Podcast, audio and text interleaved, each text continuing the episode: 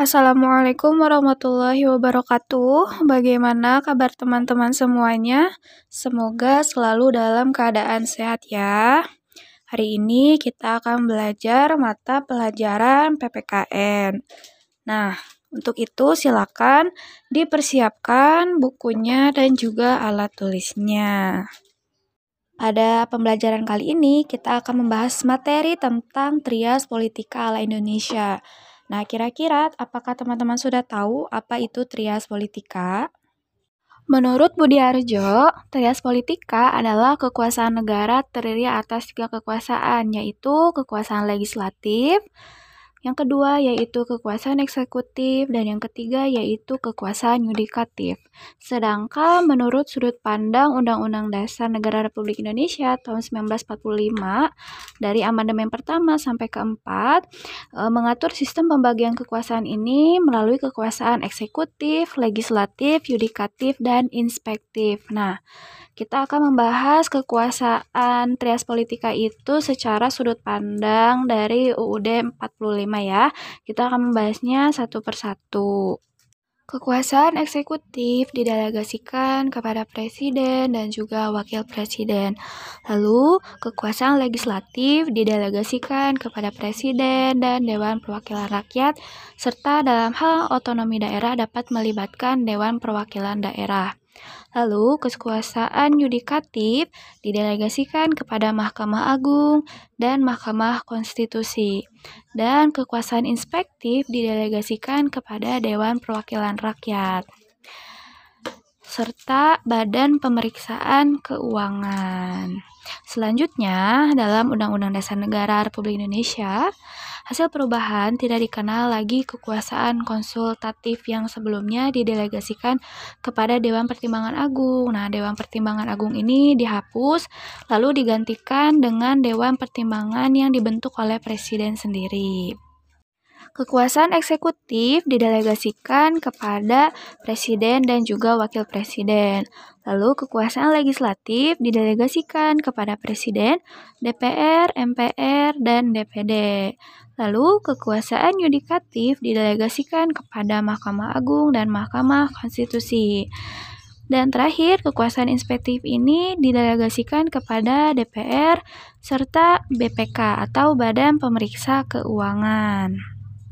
Semua pihak yang memegang kekuasaan tersebut menjalankan tugas dan fungsinya harus didasarkan pada nilai-nilai Pancasila, karena Pancasila merupakan dasar filsafat negara.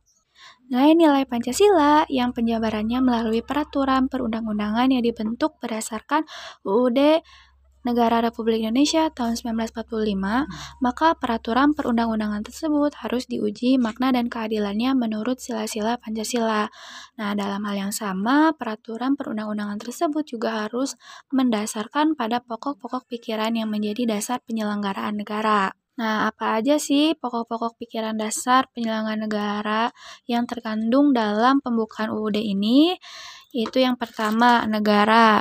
Begitu bunyinya, melindungi segenap bangsa Indonesia dan seluruh tumpah darah Indonesia dengan berdasar atas persatuan dengan mewujudkan dengan mewujudkan keadilan sosial bagi seluruh rakyat Indonesia. Lalu yang kedua, negara hendak mewujudkan keadilan sosial bagi seluruh rakyat. Lalu yang ketiga, negara yang berkedaulatan rakyat berdasar atas kerakyatan dan permusyawaratan perwakilan. Lalu yang keempat, negara berdasar atas ketuhanan yang Maha Esa menurut dasar kemanusiaan yang adil dan beradab. Dapat disimpulkan bahwa Pancasila menjadi dasar kerohanian penyelenggaraan negara Indonesia. Nah, nilai-nilai Pancasila menjadi paduan norma dan sekaligus juga menjadi landasan dalam praktik penyelenggaraan pemerintahan negara. Lalu sekarang kita akan membahas tentang bagaimana sih penerapan nilai-nilai Pancasila dalam sistem pembagian kekuasaan negara melalui kekuasaan legislatif, eksekutif, yudikatif, dan juga inspektif. Yang pertama yaitu kekuasaan legislatif, yaitu kekuasaan untuk membentuk undang-undang dipegang oleh Presiden bersama Dewan Perwakilan Rakyat. Nah, undang-undang yang dibentuk harus menjunjung tinggi nilai-nilai ketuhanan, tidak boleh merendahkan martabat manusia, lalu berlaku untuk semua komponen bangsa Indonesia dirumuskan secara musyawarah mufakat dan juga mendorong tercapainya keadilan sosial bagi seluruh rakyat Indonesia. Lalu, dalam menjalankan kekuasaan eksekutif, yaitu kekuasaan untuk menjalankan undang-undang, dalam sila pertama, pemerintah harus mengusahakan terbinanya kerukunan hidup di antara sesama umat pemeluk agama dan kepercayaan terhadap Tuhan Yang Maha Esa. Sedangkan dalam sila ketiga, pemerintah memberikan pengakuan terhadap kebineka tunggal ikaan suku bangsa dan kebudayaan bangsa yang berbeda. Karena e, sila ketiga ini berbunyi persatuan Indonesia ya. Pemerintah mengusahakan permusyawaratan dengan mempertimbangkan pendapat dari masyarakat. Akhirnya kekuasaan yang dijalankan oleh pemerintah menciptakan kemakmuran rakyat. Lalu selanjutnya yaitu kekuasaan yudikatif yaitu kekuasaan untuk mengadili para pelanggar undang-undang. Nah, peradilan di Indonesia berada di bawah kekuasaan Mahkamah Agung dan Mahkamah Konstitusi. Perkara yang diputuskan seadil-adilnya atas nama Tuhan Yang Maha Esa. Peradilan tidak memihak, harus didasarkan atas fakta-fakta yang ada dalam bukti persidangan. Oleh karenanya, putusan peradilan selalu menjunjung tinggi nilai-nilai kemanusiaan, bebas dari kepentingan kelompok, dan meninggikan keadilan sosial. Lalu yang terakhir yaitu kekuasaan inspektif, yaitu kekuasaan untuk mengawasi penyelenggara negara dalam menjalankan undang-undang. Nah, salah satu lembaga pelaksana kekuasaan inspektif ini yaitu Badan Pemeriksa Keuangan. Hasil pemeriksaan BPK diserahkan kepada DPR, DPD, dan juga DPRD sesuai dengan kewenangannya pada pasal 23E ayat 2 Undang-Undang Republik Negara Indonesia. Hal yang demikian mengandung makna bahwa dalam memeriksa keuangan negara, BPK ini harus memperhatikan nilai-nilai yang terkandung dalam sila-sila Pancasila. Jadi bisa kita simpulkan bahwasanya kekuasaan legislatif ini adalah kekuasaan yang membuat undang-undang. Lalu kekuasaan eksekutif yaitu kekuasaan yang menjalankan undang-undang. Lalu kekuasaan yudikatif yaitu untuk mengadili para pelanggar undang-undang dan yang terakhir kekuasaan inspektif ini kekuasaan untuk mengawasi penyelenggaraan negara dalam menjalankan undang-undang. Jadi mungkin cukup sekian dari saya.